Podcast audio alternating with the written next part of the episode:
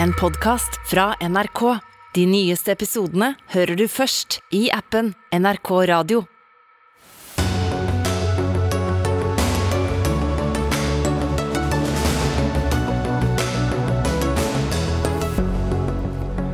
Det blir dobbelt renteøkning i juni, og det går mot dårlige tider, spår Statistisk sentralbyrå. Men sjeføkonom i Eika-gruppen ser lysere på framtiden.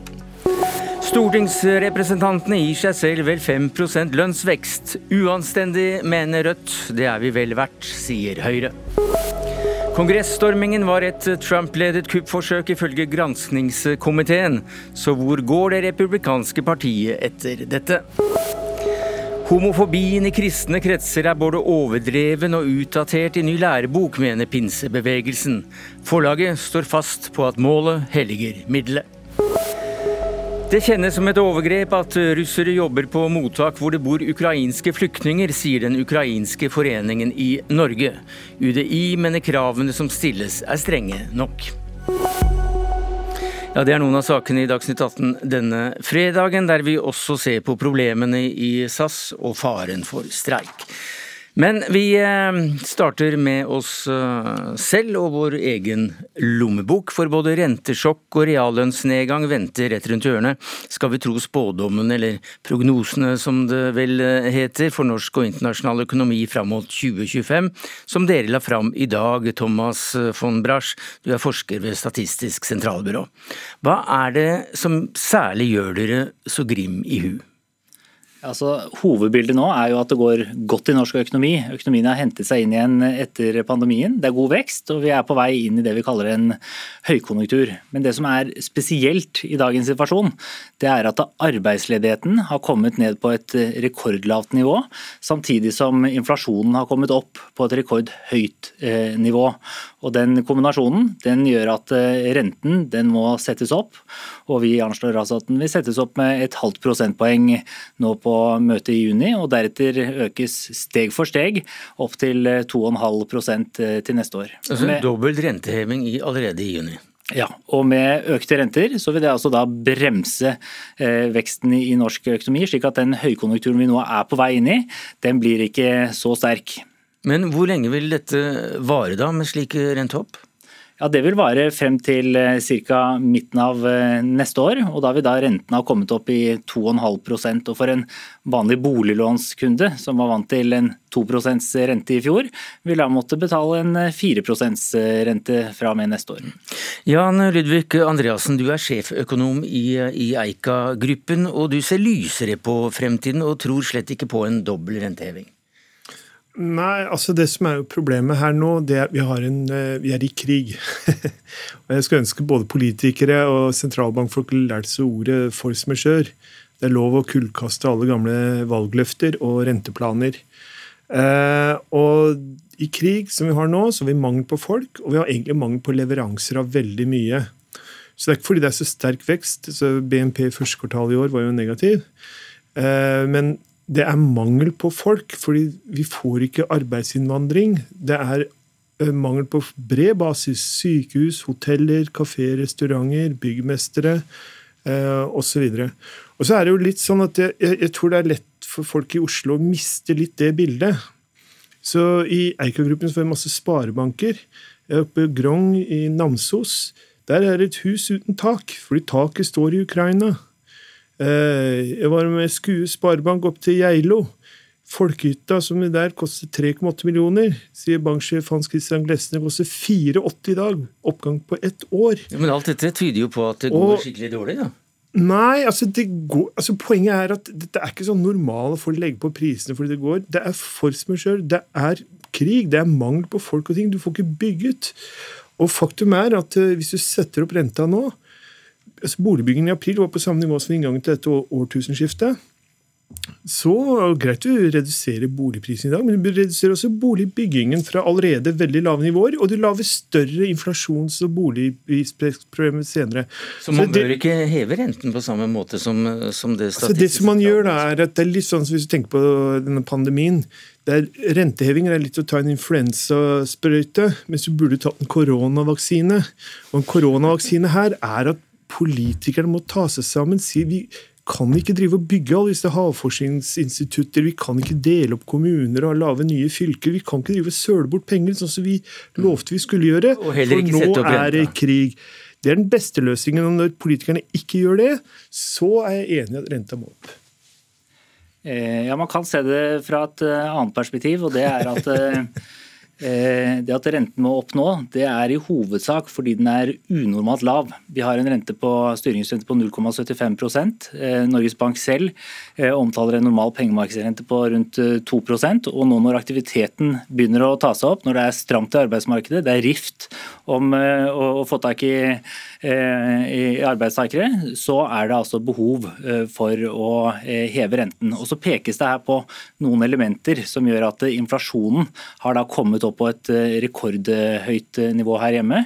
Eh, og Det er jo i tillegg et moment som bidrar til at renten skal, skal heves. Ja, Andreasen, Vi er altså da inne i en prisøkning vi ikke har sett siden 1988. altså Harlem Brundtlands annen regjeringstid.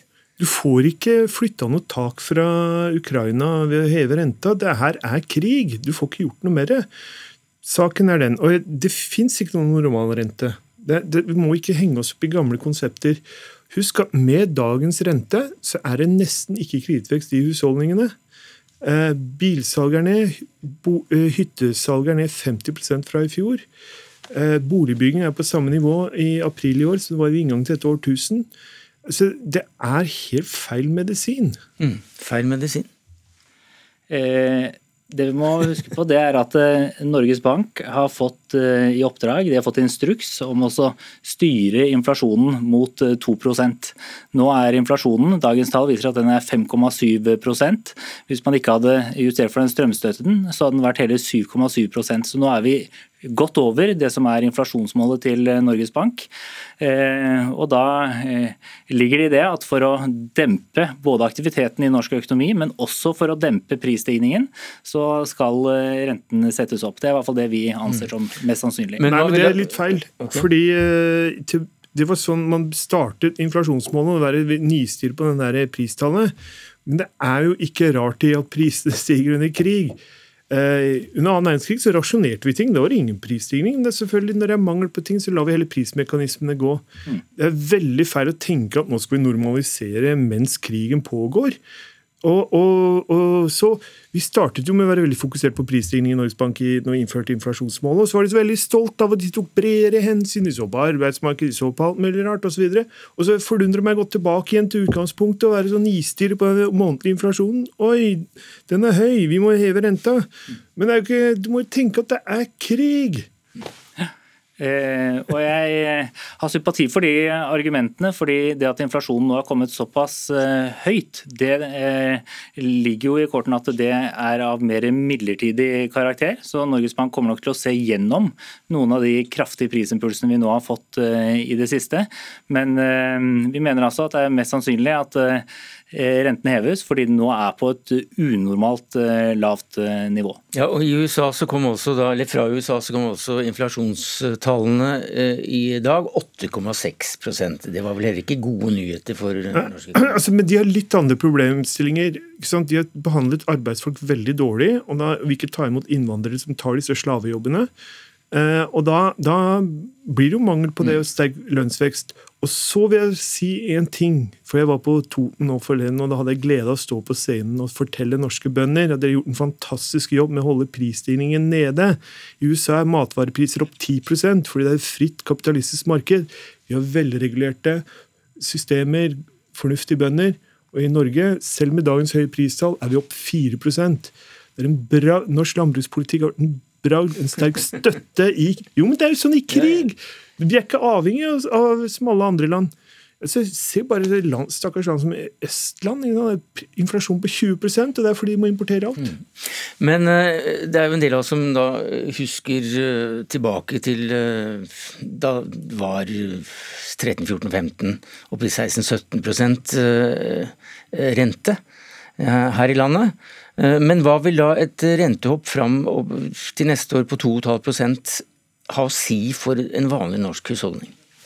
Altså Det påvirker jo husholdningen direkte gjennom hvor mye de kan eh, disponere fritt av inntekten sin. Så det vil jo legge en klar demper på, eh, på eh, konsumet. Men så har jeg bare lyst til å påpeke at grunnen til at renten skal opp, det er jo i hovedsak fordi det går relativt godt i norsk økonomi. Og selv om vi nå pga. den høye inflasjonen trolig får et lite reallønnsfall, så vil reallønnen i løpet av neste år og årene deretter ta seg betydelig opp. Så rentehopp, hurra.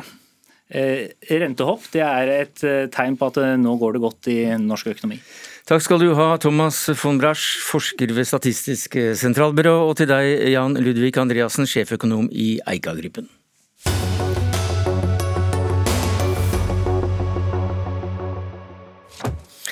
Mer økonomi for eh, nå om eh, stortingsrepresentantenes lønningspose. For presidentskapet foreslår en økning på 5,1% slik at lønnen, eller godtgjørelsen som det faktisk heter, for første gang kryper over 1 million kroner, før alle tillegg da kommer. Så en kommende millionær, det er vel blant andre deg, det Marie Sneve Martiniussen. Men som Rødt-representant så er det ikke så veldig happy. Hvorfor ikke? For det første så betaler Rødt partiskatt, som gjør at millionær det er nok en stund til at det blir. Men denne stortingsgodtgjørelsen som skal bikke én million i lønn, den er jeg veldig imot. Fordi jeg mener at politikerne ikke skal være en lønnsadel i Norge. Hvis man da har én million i lønn, så er man blant de topp 5% høyest lønte i Norge. Og man tjener altså mer enn da 95% av folk i Norge, og dobbelt så mye som median. Og det har dere kalt uanstendig? Ja, jeg mener det er det. Det er både mange andre fornuftige ting å bruke skattepengene på. Jeg kjenner mange offentlige ansatte som burde hatt den lønnsøkninga i stedet for oss stortingspolitikere. Og så er det usunt for demokratiet, mener jeg, at alle dem som bestemmer f.eks. hvor høy avgiftene skal være, eller hvor mye barnehagen skal koste, at de blir en lønnsadel med en hverdagsøkonomi som er helt annerledes mm. enn folk flest. Da svir det jo ikke så mye når dieselprisen er på 25 kroner, hvis du sitter der med millionlønn, sånn som stortingspolitikerne nesten gjør nå, og kommer til å gjøre mm. hvis høyresida og Senterpartiet får det som de vil. Svein Harberg fra Høyre, eh, du er første visepresident i Stortinget, og da har du vært med å legge rammene for akkurat eh, dette forslaget. Eh, uanstendig, hva sier du til det? Nei, vi syns ikke det er uanstendig. Nå er det jo riktig å bare presisere at uh, innstillingen fra presidentskapet kommer på mandag. Men vi har jo flagget at vi uh, kommer til å, å følge uh, dette godtgjørelsesutvalgets innstilling.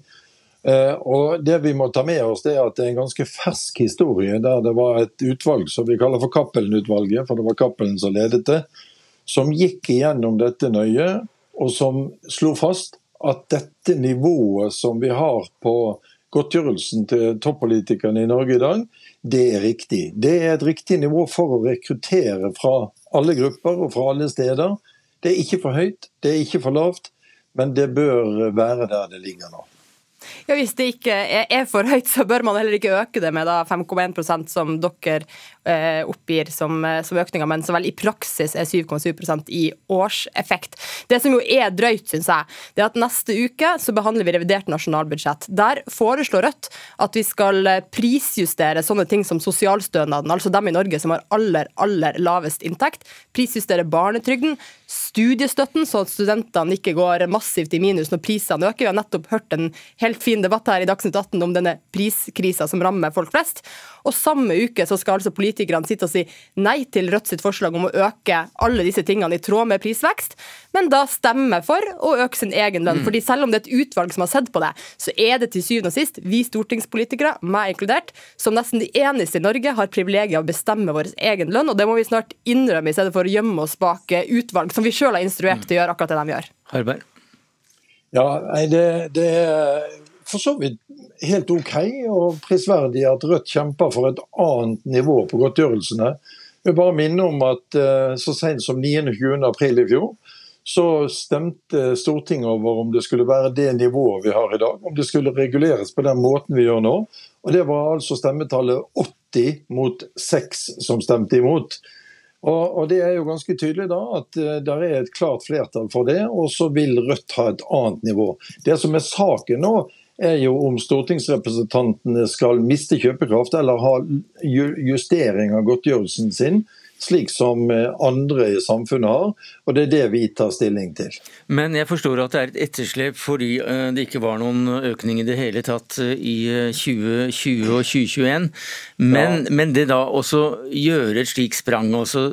Frontfaget, som jo da ligger på 3% skal jo da være ledestjernen for andre grupper, mens dere går inn for 5,1 prosent. Og er ikke, det, er, ikke, er ikke, det, litt eh, lite musikalsk da, dere? Etter et år med det representanter selv kaller skandaler når det gjelder både reisegodtgjørelser og pendlerboliger? Men det er litt lite nyansert slik som blir fremstilt nå. For det som vi har gjort, det er vi har sagt at 2020, det har vi sagt fra oss. Det skal vi ikke ta hensyn til. Det skal vi heller ikke ta hensyn til fremover, Så det har vi slått fast. Så var det et oppdrag nå om å se på 21 og 22. Og det Tallet 5,1 er for så vidt upresist, for det, det vi får nå, det vi får det samme som frontfagene fikk i 2021. Vi får det samme som frontfagene fikk i 2022. Men vi får ikke tilbakebetalt mm. til mai 21, slik som frontfagene har fått. Det blir litt teknisk, Harberg, men, men prinsippene da? altså Hvorfor skal stortingsrepresentanter ha såpass høy lønn? Ja, Vi syns jo godtgjørelsen gjenspeiler eh, det som er situasjonen for stortingsrepresentanter. Som sagt, vi skal rekruttere fra alle grupper. Det skal ikke være sånn at en blir eh, stortingsrepresentant fordi det er høy betaling. Det skal heller ikke være sånn at en lar være for at det er for lav betaling. Og så har vi altså en, en arbeidssituasjon der det går eh, døgnet rundt.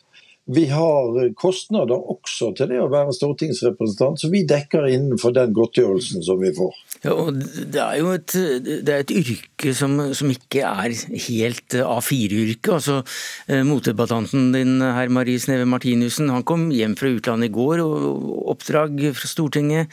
Eh, I morgen så skal han på politiske møter. altså Dere jobber jo ganske mye, da?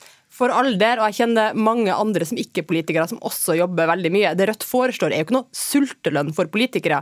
Vi har sagt at det godt kan ligge på 1,5-gangeren av det som er median. Altså mer enn det som er median Norge, men at 1,5-gangeren kanskje er litt mer sånn sobert sted å legge seg da, enn topp 5% som jo er en veldig veldig høyt nivå i Norge. Og Det er jo eh, åpenbart sånn at vi eh, måtte, jobber mye, men det gjør også mange, mange, andre folk. Som stortingsrepresentant, hvis jeg ikke hadde betalt partiskatten min til Rødt, da, så hadde jeg jo tjent eh, mer enn dobbelt så mye som mange av mine venner som også jobber i yrker der man plutselig, hvis du jobber i barnehagen og ungene ikke blir henta av foreldrene, så kan ikke du bare gå fra jobb. Det finnes mange yrker der man jobber mye, får mye mye mindre betalt, og Rødt foreslår ikke en sultelønn for politikere. Men du, du, du, du snakker et øyeblikk, slapp av, vi går mot slutten her, men eh, jeg ble litt nysgjerrig bare på den, eh, den partiskatten som dere betaler. Hvor mye er den på? Et par hundre tusen. Vi har foreslått Eh, vi har foreslått Det som vi har foreslått for stortingslønna eh, for Stortinget, er jo noe som vi tenker er et ganske moderat kuttforslag, som vi tenker at de andre partiene kanskje kan bli med på. og Da lander man på ca. 850 000 i året. Men sjøl har vi en partiskatt der vi lander på litt over 700 000 i året, som vi er landsstyret til Rødt som har bestemt i forkant av vi valgt, blir valgt som stortingsrepresentanter. Om mandag så bankes dette gjennom på Stortinget, det er ikke tvil om eh, det, uh, Harberg?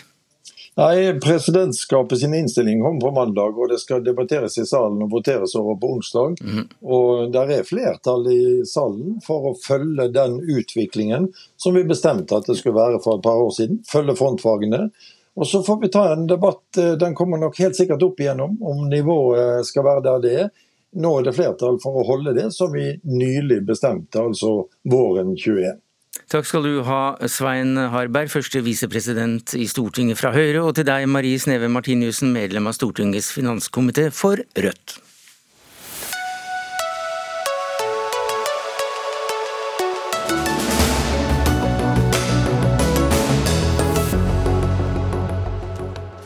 Angrepet var et eh, kuppforsøk og satte demokratiet i eh, fare. Slik beskriver Benny Thompson stormingen av den amerikanske kongressen 6.1.2021. Eh, Han er lederen for granskningskomiteen. Tove Bjørgaas, NRK-korrespondent i Washington DC, hjemom som snarest. Hva er det viktigste som har kommet fram i denne første av minst seks høringer? Det som skjer i disse høringene, er jo at eh, denne kommisjonen, som stort sett består av demokrater, men to republikanere er også med, fortell, eh, forsøker å fortelle historien om det som skjedde da Kongressen ble stormet for snart halvannet år siden, eh, og bevise hvilken rolle Donald Trump hadde i planleggingen av dette og i gjennomføringen av det. Og det de begynte med i høringen i natt, var å og legge fram hva de skal gjøre i, i denne prosessen, som skal være seks høringer i beste sendetid på TV. Og i natt fikk vi bl.a. høre at Trumps egen datter Ivanka ikke mente at eh, valget var stjålet. Hun stolte på justisministeren, sa hun. Og vi fikk også høre rystende beretninger fra en politikvinne som var til stede utenfor Kongressen eh, i, i, i de kampene, i det blodbadet som hun opplevde der. Ja, hva sa hun? Hun sa at hun skled i, i, blod, folk kastet opp, hun ble slått ned av demonstrantene, og hun var ikke trent for å være i kamp, sa hun. Hun, hun var trent for kanskje å anholde et par demonstranter, men de var på ingen måte utstyrt eh, for dette politifolkene som var, eller vaktpolitifolkene fra, som var til stede. Og det vi også har fått vite, er at det var Mike Pence, visepresidenten, som ringte og ba nasjonalgarden om å komme. Det var det ikke presidenten som gjorde. Camilla Svennes Bergland, du er vår kollega i NRK nå, men eh, på denne spesielle dagen i fjor så jobbet du for VG og ble da et øyevitne tett på stormingen av Kongressen. Hva var det du så? Først og fremst så, så jeg jo ganske mange sinte eh, mennesker som hadde møtt opp eh, for å demonstrere mot det de mente var et stjålet valg. Og så etter hvert så utarta det seg jo til å bli det vi alle kjenner som stormingen av Kongressen. Og det var jo absurd å, være en del av, rett og slett. Ja, du, stod, du, du og fotografen din sto rett ved den innerste sperringen. Ja, eh, Thomas Nilsson og jeg, VGs årlange fotograf i, eh, i, VG, vi sto ganske tett på, altså. Eh, og ble vitne til den siste barrikaden, at den brast. Og da trykket massene på bakfra, eh, og de jublet. Eh, en person hadde bl.a. kommet seg opp i en, en, høy mast som var satt opp i forbindelse med innsettelsen til Joe Biden, som bare skulle være noen dager i etterkant, og veivet et høyt flagg. Og massene jublet og ropte USA, USA, USA, og heng Mike, Pence, heng Mike Pence. Så det var jo, ja, som sagt, en veldig absurd situasjon situasjon eh, å, å, se. Ja, Hva var det de sa? Du snakket jo med en del av dem. Ja, eh, de var De fortalte i forkant da, eh, av stormingen så fortalte de at de var møtt opp. De var, de, de, de var, frustrerte, de var sinte over det de mente var et stjålet valg. Og de ville støtte opp under presidenten sin, Donald Trump. Det var derfor de var der, rett og slett. Du reagerte også på manglende vakthold? Ja, det stemmer. Eh, altså, Gatene eh, rundt i DC var stengt av, og butikkene hadde eh, gjort seg klare ved at de hadde barrikert vinduene og sånn, men det var jo nesten ikke noe politi, vet du å spore opp i gatene. Så det var helt tydelig at DC og kongresspolitiet var helt uforberedt på det de, det de møtte. Men du så at eh, demonstrantene da, de, de tok seg inn i selve bygningen? Mm. Ja, Thomas og jeg på et eller annet tidspunkt bevegde oss litt på venstresiden av bygningen, og da så vi demonstranter, Trump-supportere, høyreekstreme, knuse vinduene. Eh, og det var en, eh, igjen, absurd stemning i DC den dagen. Eirik Løkke, du er rådgiver i tankesmien Civita, og du kjenner amerikanske forhold og politikk eh, svært godt. Dette var jo da en republikansk president som, eh, som nå granskes ut ifra eh, det som skjedde. Hvordan vil det republikanske partiet komme seg eh, forbi, ikke forbi, men gjennom en slik høring? Vi overser det, vi snakker minst mulig om det.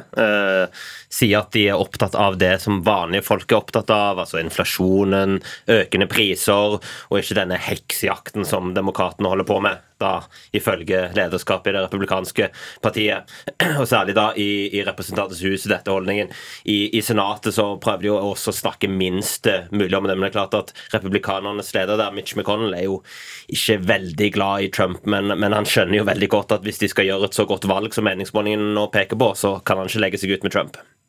Men eh, vi så at Liz Cheney, også republikaner, eh, datter av en tidligere eh, visepresident, nå nestleder av denne granskningskommisjonen, hun sa at Trump ikke varer evig, men det gjør ettermæle etter alle de republikanske politikerne i Kongressen som ikke står fram og fordømmer angrepet.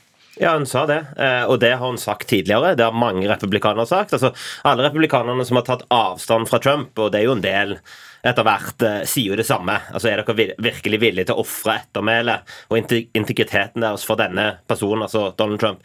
Men det virker jo som de er det. Eh, årsaken til at de er det, er jo fordi at de vet at Trump fremdeles har veldig stor støtte blant velgerne. Går man mot uh, Trump, da risikerer man ikke å bli gjenvalgt til Kongressen. Og Da er det tydeligvis så viktig for mange av disse republikanske kongressmedlemmene at de vil heller bli gjenvalgt enn å beholde sin integritet. Og vi ser jo også at i går, eh, altså i natt, så, så, så svarte jo Trump mens disse, rett etter at disse høringene ble sendt på TV. Han får jo ikke lov til å være på Twitter, men han kom med en uttalelse eh, i sitt sosiale medium der han sa at den dagen var en stor dag, en vakker dag i amerikansk mm. historie, eh, og at dette var en bevegelse for å skape det storslagne Amerika. Så han har jo på ingen måte ikke, han, ikke angrer han, ikke har han innrømmet at eh, han har gjort noe galt. Tvert imot så har jo hans tilhengere fortsatt å, å følge ham på hans eh, autoritære eh, vei mot å forsøke å erklære dette valget for, for stjålet. Og det, og det, er jo det som er det store faretegnet her. Mm. Eh, men, men, det var også da slik at uh, det var ganske mange republikanere som gikk ut og, og fordømte dette rett etter at det hadde skjedd i fjor. Ja. Men de stemmene er også borte. Ja, Umiddelbart så var det jo mange som gikk ut uh, og fordømte det. Uh, først og fremst fordi at det var stor grunn til å fordømme de seg sjøl. Og så trodde jeg også at de trodde at dette, sånn, dette kom ikke velgerne til Trump til å godta. Mm. Et angrep på Kongressen. Et angrep på den viktigste institusjonen i det amerikanske uh, demokratiet. Men der tok de feil. altså Du så jo en viss nedgang i populariteten til Trump, men den stek opp igjen ganske raskt. Og det var jo hele dette spørsmålet hva i all verden skal Trump gjøre? For at han skal miste støtte i det republikanske partiet. Og svaret på det har vi jo ikke ennå. Han sa jo en gang eh, når han eh, drev eh, mm, kampanjen sin, at han kunne gå ned på Fifth Avenue og skyte noen uten at han ville tape støtte. Og det viser seg jo at det kanskje er rett. Men hvis vi nå ser litt framover også, det er jo allikevel krefter i det republikanske partiet som vil noe annet. Hvor er det vi finner dem?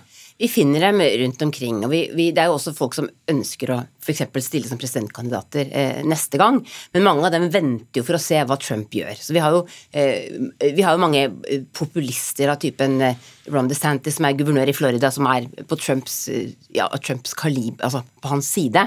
Eh, men så er det også andre, og Liz Cheney er jo et eksempel på en egentlig ganske konservativ republikaner i, i utenrikspolitikken, i den økonomiske politikken, konservativ i abortspørsmålet. Eh, men hun, det kan jo godt tenkes at hun nå ikke kommer til å bli renominert til Kongressen. Eh, så, så den tradisjonelle republikaneren sliter jo veldig her. Eh, og problemet deres er vel at rundt 25% av velgermassen fortsatt ønsker den populismen som Trump sto for, og at partiet er helt avhengig av de velgerne. Og når vi ser på hvem som ser på disse høringene også, så er det et overveldende flertall av folk på midten og på venstresida. Vi må se på hvilke TV-kanaler som har høyest seertall. Det ble også sendt på Fox News, men jeg så i hvert fall at det lå ganske langt ned på deres eh, nettside. Ja, for Fox Business. Mm. Men uh, igjen, altså, hvis vi ser på framtiden, hva slags retning er det det kan ta da etter en, at Trump en eller annen gang uh, hiver inn håndkleet? Det er også et veldig godt spørsmål. Altså Problemet med det republikanske partiet nå, det som vi ser, er jo at den eh, ideen om at valget i 2020 ble stjålet, blitt en slags lakmustest i det republikanske partiet. Altså Hun er avlegge en slags troskap til ikke gå imot det. Og Man ser f.eks. lederen til republikanerne i Representantens hus, Kevin McCarthy, han nekter jo Han, han bare konstaterer at ja, Biden er president. Han vil ikke si om han er legitim eller ikke. Han kommer med masse babbel og gjør det beste han kan for å unngå å svare på det spørsmålet. Det gjør han ikke. Og sånn er det med veldig mange republikanske kandidater. Det vil si, veldig mange går inn og sier at valget var stjålet. Og du har omkring to tredjedeler tredjedeler av de republikanske velgerne som også tror at valget er stjålet. Og vi skal huske på at et flertall av de republikanske representantene i Representantenes hus stemte jo mot å sertifisere Eh, Joe Biden som president. Bare tenk over det. Hva det sier om situasjonen for eh, det amerikanske demokratiet. At et flertall av opposisjonen ikke ville godkjenne at Biden ble president. Og jeg mener den situasjonen er vi ikke kommet noe nærmere nå, selv om det republikanske partiet faktisk ligger an til å gjøre et veldig godt eh, valg i november. Ja, for her i Norge så forstår vi jo egentlig ikke hva som, hva som skjer der i det hele tatt. Og, og, mange spør seg da hva skal til før det republikanske partiet igjen kommer inn i den den vanlige mainstream-folden?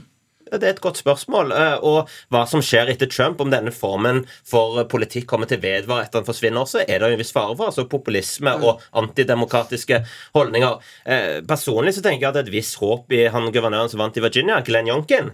Eh, han sa takk til Trump, men han sa på en litt pen måte 'hold deg borte herfra'. Og han greide å vinne med å føre mer sånn tradisjonell skolepolitikk, økonomisk politikk. Han kan jo være en, en type som kan gjenoppdage det gamle reaganske partiet. Men, men det gjenstår å se, og, og, og han kommer ikke til å greie det hvis han legger seg ut med Trump nå. Jeg tror også begge partiene beveger seg ut mot ytterkantene. Vi ser også at Demokratene sliter jo veldig med å altså Joe Biden er jo ingen populær mann. Han har veldig lav oppslutning i folket. Sant? Så, så de, der er det jo de unge vil ha de mer radikale kandidatene. Eh, og i Det republikanske partiet så, så, er det jo de som ligner på Trump, som f.eks.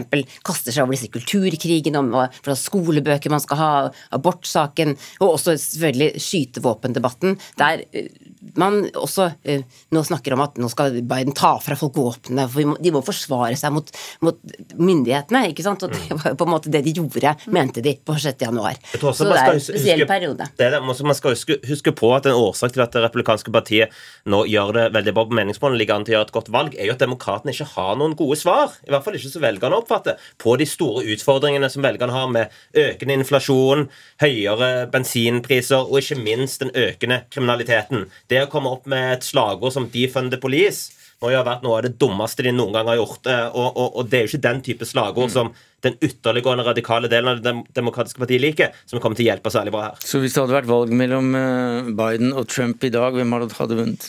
Det er ikke godt å si. Jeg tror kanskje at eh, ja, altså Det det er jammen ikke godt å si, altså. altså jeg tror det, det som taler mest for at Biden hadde vunnet, og at demokratene kan gjøre det bra i november, er hvis Trump går aktivt inn. Det fins ingen som mobiliserer demokrater mer enn Donald Trump. Så der ligger det, det kanskje lite håp. Ja. Takk skal eh, dere ha, Eirik Løkke, rådgiver i Tankesmien Civita, Tove Bjørgaas, korrespondent i Washington, og til deg, Camilla Svennes Bergland, nå journalist i NRK.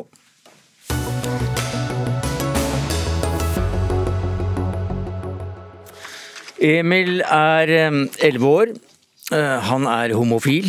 Han er redd for at eh, pappaen skal låse ham inn på rommet uten mat, dersom eh, pappaen finner ut at Emil er forelsket i klassekompisen Anders, og i verste fall da havne i helvete.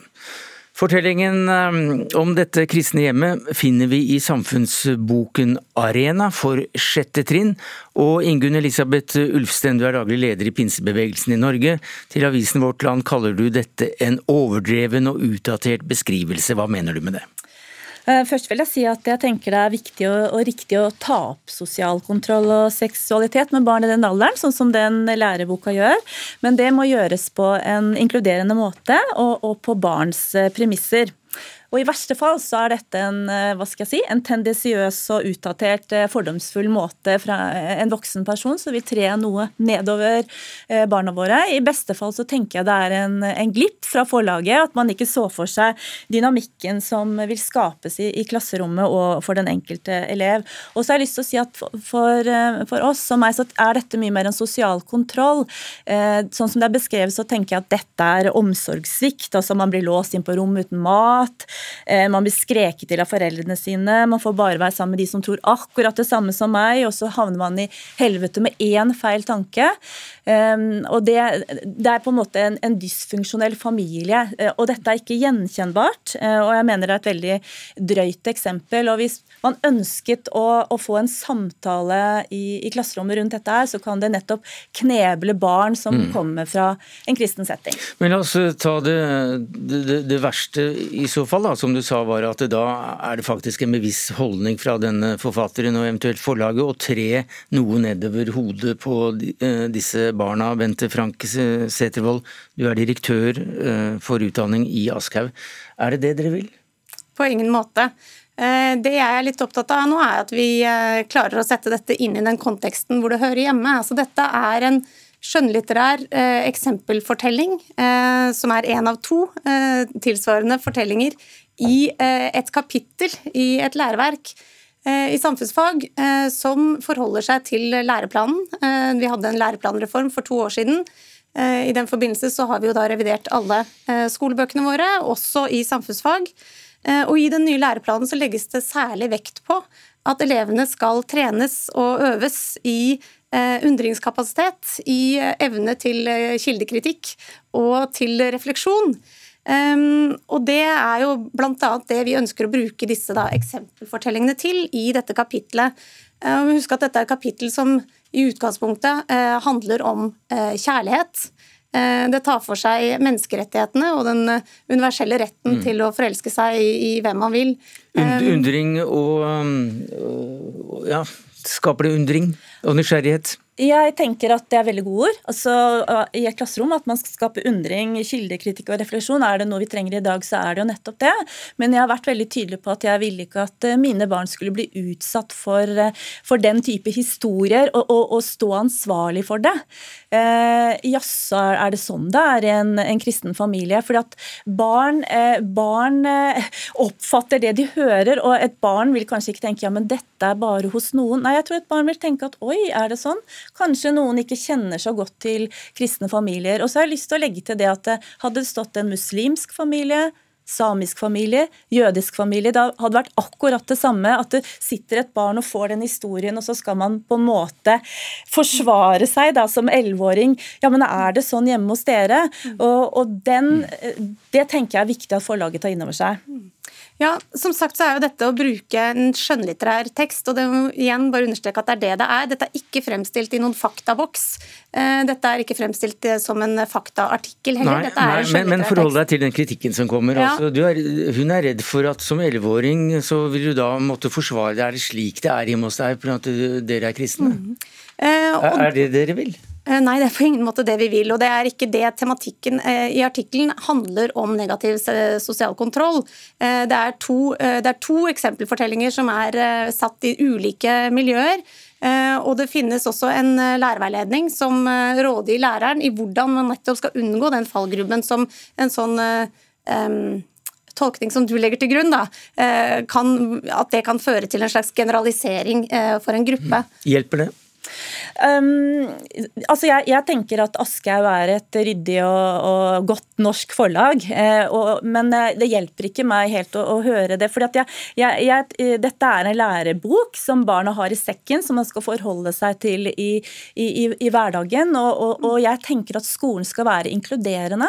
Dette er ikke inkluderende, og skolen skal være på en måte ute uten stigmatisering, uten mobbing. Og jeg tenker at det ligger, det, kimen ligger til mye her, altså. Eh, og derfor så, så et råd fra meg, eh, ta tilbake den boka, revider den. Eh, man kan ta masse gode mm. eksempler på sosial kontroll uten at man nødvendigvis trekker fram én gruppe. Ja, For du mener at forfatteren har en agenda? Jeg, jeg, kan jo ikke si det, men det kan Nei, synes du, du, har sagt det til eh, Vårt Land? Ja, jeg har ja. sagt det at, eh, at, det kan synes som mm. at den forfatteren har en agenda. Mm. På ingen måte. Agendaen her er å belyse temaet negativ sosial kontroll. Eh, og jeg må jo også trekke frem at vi har jo fått eh, veldig mye positive tilbakemeldinger også på nøyaktig den samme eh, fortellingen. Bl.a. fra lederen for Skeiv kristen ungdom, som sier at dette er gjenkjennbart. Dette er en fortelling som er gjenkjennbar, og som hun har hørt gjenfortalt fra flere av sine medlemmer. Eh, og som bidrar til eh, på en god måte å skape diskusjon og refleksjon rundt et viktig tema i, i klasserommet. Mener du elleve år er litt uh, ungt? Nei, jeg tenker at både å snakke om seksualitet og sosial kontroll ikke er for ungt for en elleveåring, men man må gjøre det på barns premisser og ikke sette grupper opp mot hverandre. Så jeg tenker jo at det skal være et godt anliggende her, men at man skulle hatt litt andre historier. Takk skal du ha, Ingunn Elisabeth Ulfsten, daglig leder for pinsebevegelsen i Norge, og til eh, deg, Bente Frank Setervold, direktør for utdanning i Aschehoug.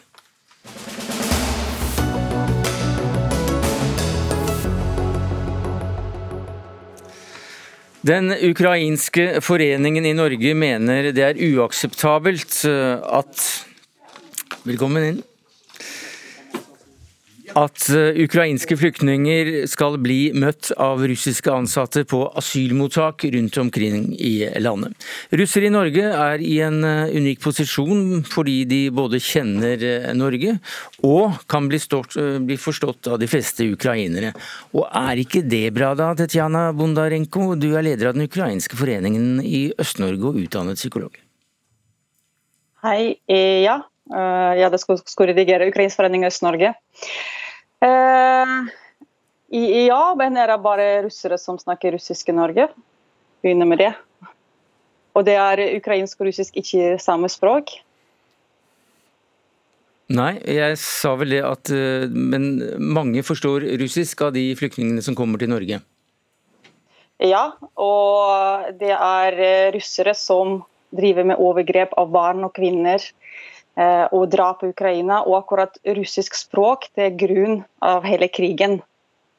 Så vi... Jeg har mange venner som har slutta å snakke russisk. Jeg kommer fra russisktalende by. Jeg, mitt morsmål er russisk, og så har jeg lært ukrainsk. Og pga. denne krigen så har vi uh, slutta å snakke russisk, vi snakker ukrainsk. Fordi at assosiasjoner russisk og drap og voldtekt. Men hvilke tilbakemeldinger får du uh, fra flyktninger som da uh, opplever at de blir tatt imot på flyktningmottak av, av russiske mennesker som bor i Norge og som har bodd her en god stund? Veldig negativt. Det er utrolig negativt. Vi har tatt det opp, Jeg selv har tatt det opp på møter med både UDI og, og helse, helseetaten og kommunene. Har vært på ganske mange møter fra uke to krigen startet. Jeg har vært ved grensen til Ukraina to ganger. Eh, jeg har sett eh, det forferdelige som skjer der. Jeg har familien min i Militopol som er okkupert, som er russisktalende by. Og det er en forferdelig situasjon, og det er nok ukrainere i Norge som kan jobbe som tolk. Jeg har sagt på møter med UDI bl.a. at man kan bruke midlertidig, kan ha midlertidig godkjennelse av ukrainsk ukrainske Det er 7000 ukrainere før krigen starter, det er offisiell informasjon. Og hva er problemet? De har politiattest, de har godkjent B1 eller B2-prøve, og så kan det, det kurset som blir satt av Oslo OsloMet, det skulle vært satt med en mm. gang. Så det kan brukes. Borghild Fløtre, Fløterud, du er direktør for mottak og retur i Utlendingsdirektoratet. Eh, forstår du at eh, mange ukrainere vil ha en dårlig følelse ved å bli møtt av en med russisk bakgrunn på et asylmottak? Absolutt. Det er lett å forstå at eh, det å møte fienden eh, med en gang man kommer til et land, eh, at det er vanskelig og krevende. Hvorfor er det da nødvendig? Det er nødvendig fordi at vi har behov for ansatte på mottak.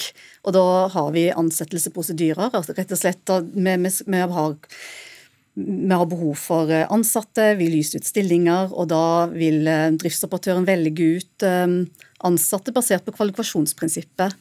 Og da er det sånn at vi skal ikke diskriminere basert på nasjonalitet eller religion eller andre ting. og det, det, det, det, da vektlegger vi personlig egenhet. Ja, så, så det er ren, rent formelle grunner i ansettelsesprosessen som er vedtatt et eller annet sted, at uh, dere ikke utelukkende da ansetter ukrainere ved slike mottak?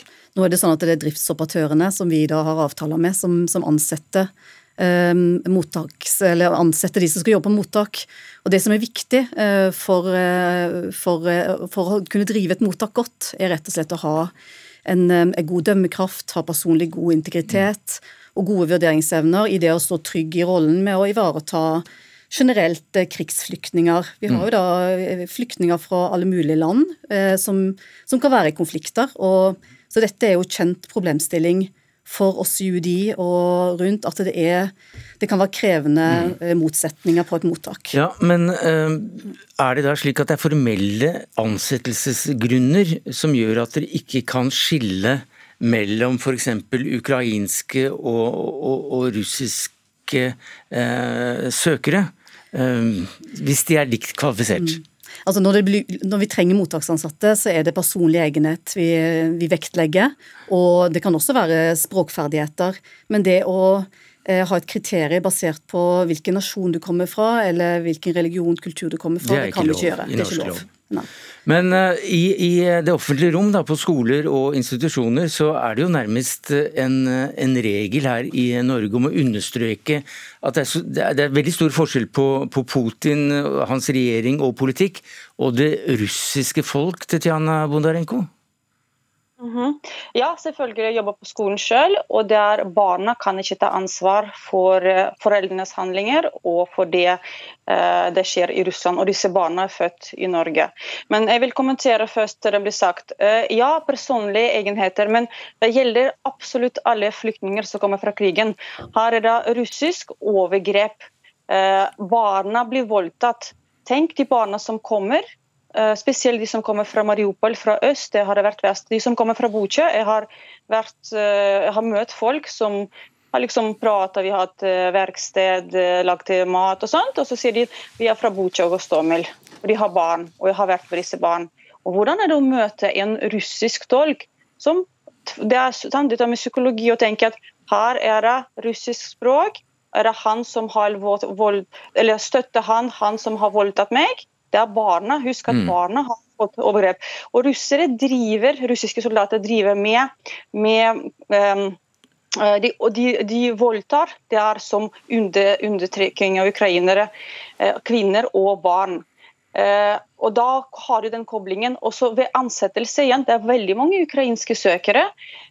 Og Hvis vi tar tilbake igjen til absolutt alle, det er flere mm. folk som har opplevd krig og kom til Norge, som få møte De er allerede traumatisert, og så får de enda mer sjokk når de blir møtt av en russer som tolk. Det er georgere som har vært i krig med Russland. Det er folk fra mm. Tsjetsjenia som mm. har vært i krig. De er allerede godkjent tolk. Bruk dem. Pluss at det er veldig to forskjell på språk, ukrainsk og russisk. Det er 60% ca. likhet. Borghild Fløtterud, du må nesten svare på noe av dette. Ja, jeg tenker at Hvis det, er, and, hvis det tilbys arbeidskraft rundt på mottak, så er det veldig bra. Og jeg tenker Det, det er opp til driftsoperatøren å, å, velge ut de som skal jobbe på mottak. og Mottakene jobber jo veldig systematisk med nettopp å møte mennesker i, som er i traume eller opplevd krig. Og vi i UDI er også veldig opptatt av å ha opplæring, informasjon og møte møte flyktningene med systematisk arbeid her. jo, klart, det, jo, men et øyeblikk, unnskyld at jeg avbryter deg, men altså på disse mottakene så det, Du skyver litt mottakene foran deg og sier at det er de som ansetter, men UDI har vel noe påvirkningskraft i en, i en slik sak? Absolutt. altså vi har jo... Ja, så Hvorfor bruker de ikke dem, hvis det, hvis det virkelig er et så stort problem som det vi nå hører? Eh, vi har tydelige forventninger til at eh, mottaksansatte nettopp eh, har de riktige personlige egenskapene til å gå inn i en sånn rolle. Det, det er det som er det viktige. Ja, du, hører jo, du, hører jo, nå at det mm. kommer tilbakemeldinger om at, at, det blir en ekstra belastning for allerede traumatiserte folk. Og, og det er vel ikke hensikten med å få folk i mottak? Nei, og vi tenker jo at det er viktig at man er oppmerksom på denne problemstillingen. Absolutt. Men, men, du, men du, mm. du, gir dem ingen eh, god retning eller noe direktiv om at nå må vi tenke litt annerledes her, for at dette går det ikke. Dette går ikke så bra. Nei, det tenker jeg ikke vi kan gjøre, rett og slett. Det kan ikke ifølge uh, norsk lov. Nei. Pål Nesse, du er generalsekretær i Norsk organisasjon for asylsøkere, altså NOAS. Hva sier du om, om denne debatten? Eh, debatten er veldig forståelig, og vi har selvfølgelig forståelse for de dilemmaene som ukrainerne opplever. Det har vært en veldig dramatisk krig, det har vært en veldig dramatisk flukt, og det har kommet veldig mange på en gang. Så vi har forståelse for det. Men eh, vi har også heller til prinsippet om at eh, vi kan ikke være 100% kategoriske og si at vi skal ikke ha russere inn i mottaksapparatet og i dem man møter. Og Husk at det er veldig mye mer enn mottaksapparatet. altså Det er kommuner, det er en rekke instanser osv. Og, så og selv om det er en del ukrainere i Norge, så har det ikke vært lett med den etterspørselen som nå har kommet etter folk som både kjenner Norge godt, og norsk språk og norske forhold, og ukrainsk for nettopp å gå inn i denne ganske krevende jobben med å gi informasjon og være i den dialog. Så her må man balansere det lite grann, og det er også riktig at når du kommer til Norge, søker beskyttelse, så må du også akseptere at her er det også andre nasjonaliteter. Og det, vi er ikke ukjent med at det kommer folk fra flere sider i en konflikt. Og så må man håndtere det på en klok måte. Jo, jo, men, jo, men, det, jo, men da ansette, ansette folk som forbindes med den ene siden av konflikten, det er vel noe annet enn at det kommer folk fra begge sider. Jo, men dette, Det har vært en utfordring å finne folk, nok folk som kan ukrainsk. Vi har hatt dette selv. Og så har vi hatt noen afghanere som har jobbet lenge hos oss, som, som eh, orienterer, men de gjør det på russisk, for det er språket de kan. Og det kan de fleste ukrainere. Så litt smidighet må vi også ha her. Tetjana Bondarenko. Ja, kan jeg kommentere? Ja, takk. Eh, ja, afghanere er greit, selv om det er dårlig russisk. Jeg har opplevd det sjøl. Jeg har, hørt, jeg har fått eh, noen av min familie her. Eh, andre nasjonaliteter er greit. Det er ikke språket som er problemet, det er den, det traumene folk har opplevd. Og det er igjen Krigen er ikke ferdig, krigen er fortsatt der. Hvordan vet dere at de russere dere har eh, i, som jobber for dere, ikke er med i FSB? At ikke de er vervet? Jeg har min familie i Ukraina. Jeg har fått min, eh, heldigvis min, eh, en av eh, slektningene her til Norge. Og de har reagert veldig på at de har fått russisk, men de har fått også en eh, jeg vet ikke om det var afghaner eller, eller serber som snakket russisk. Det var greit. Det er, det, det er ikke det som er problemet. Problemet det er disse russerne. Og den sensitive informasjonen UDI får, hvordan vet dere at ikke den blir likt videre? Hvis jeg er redd for min familie er fortsatt i Ukraina, okkuperte områder, mange av mine venner er der, og det er mange Mm. av familien Tusenvis av ukrainere er i fange i Russland. Og så kommer folk fra Mariupol for eksempel, eller andre steder, eller fra Melitopol, sånn som jeg er. Og så blir de intervjua av en russisk tolk som er vervet av FSB. Og Det er umulig å finne ut av de ikke det. Og så gir de informasjon videre, og så får de problemene der nede. Så det er dette med, med, med sensitiviteten, den informasjonen er sensitiv. Egentlig skulle ikke le, russiske leger jobbe med ukrainske flyktninger heller, fordi krigen pågår enda. Folk drepes og voldtas. Barn og Mm. kvinner drepes og voldtas enda. Husk det, krigen er ikke ferdig. Er også Vil man, vil, unnskyld at jeg avbryter deg, men vi må nesten få Borghild Fløtteres kommentar på det. Nei, Jeg er helt enig i at vi skal ikke være naive. Og vi må være oppmerksom på at det kan eh, skje avvik, og det, er, det kan komme bekymringer og varsler som vi må ta på alvor.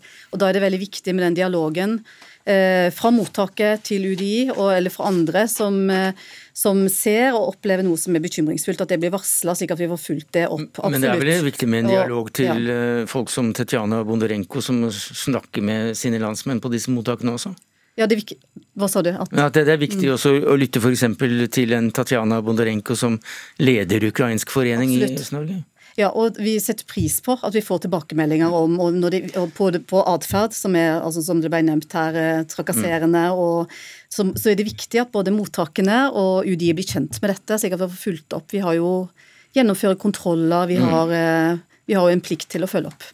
Det var så langt vi kom i dag. Tatjana Bondarenko, leder av Ukrainsk forening i Øst-Norge, spesialpedagog og utdannet eh, psykolog. Så fikk vi med, med hele CV-en. Pål Nesse, generalsekretær i NOAS, takk skal du ha. Takk til Borghild Fløtre, direktør for mottak og retur i UDI.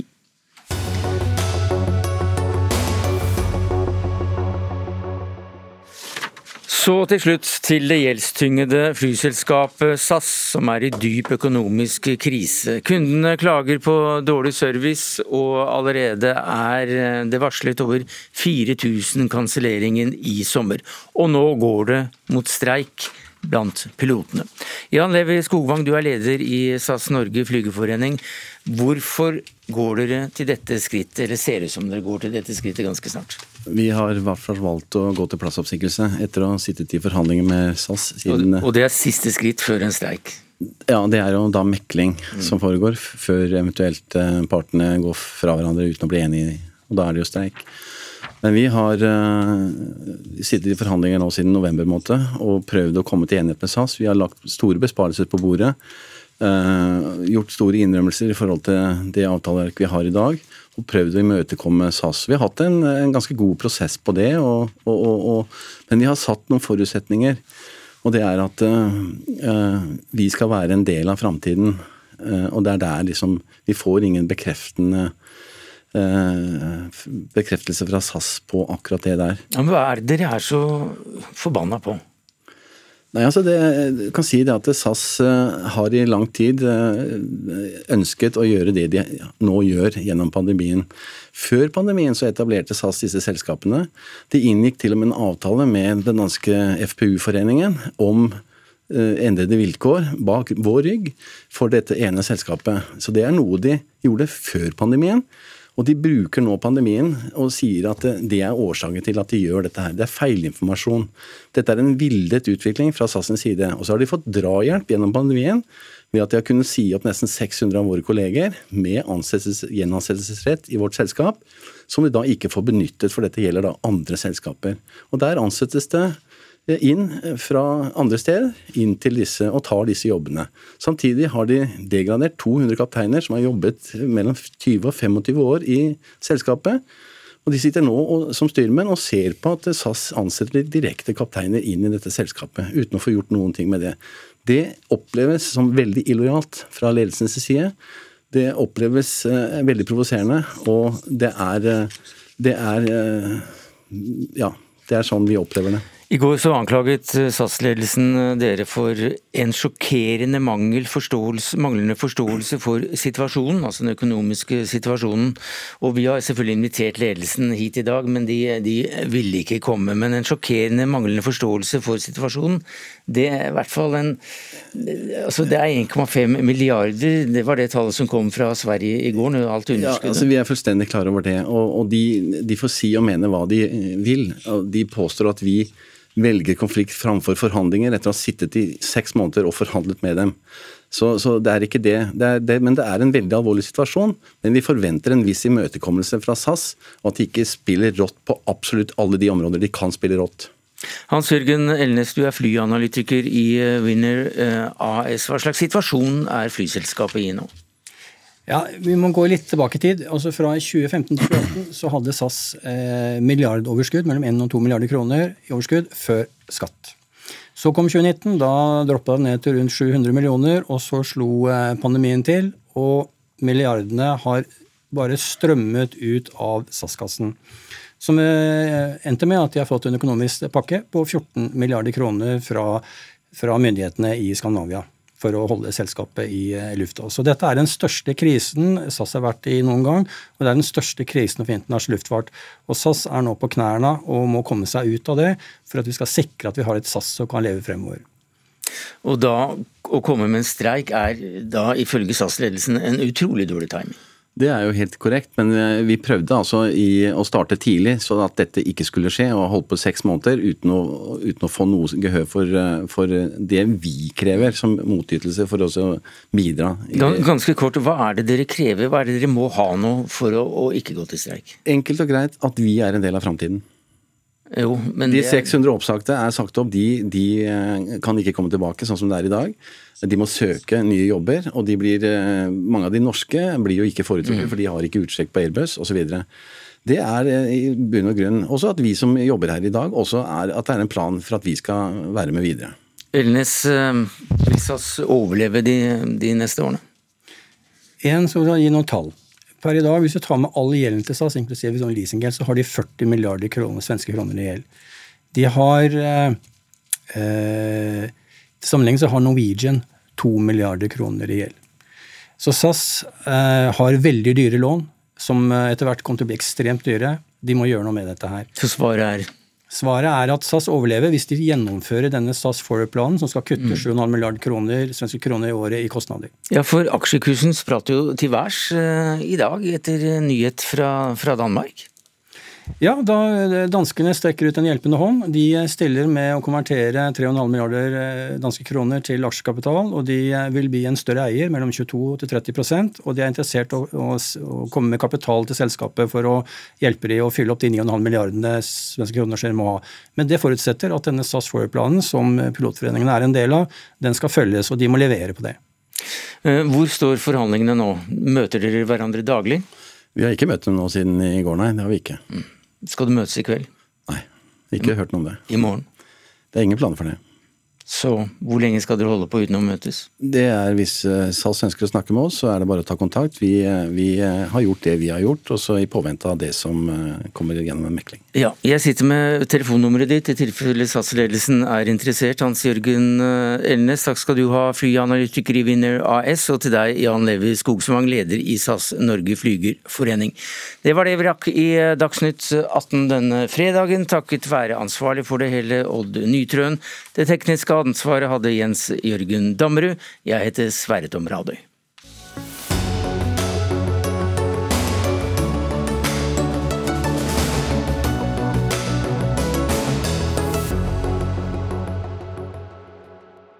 Du har hørt en podkast fra NRK.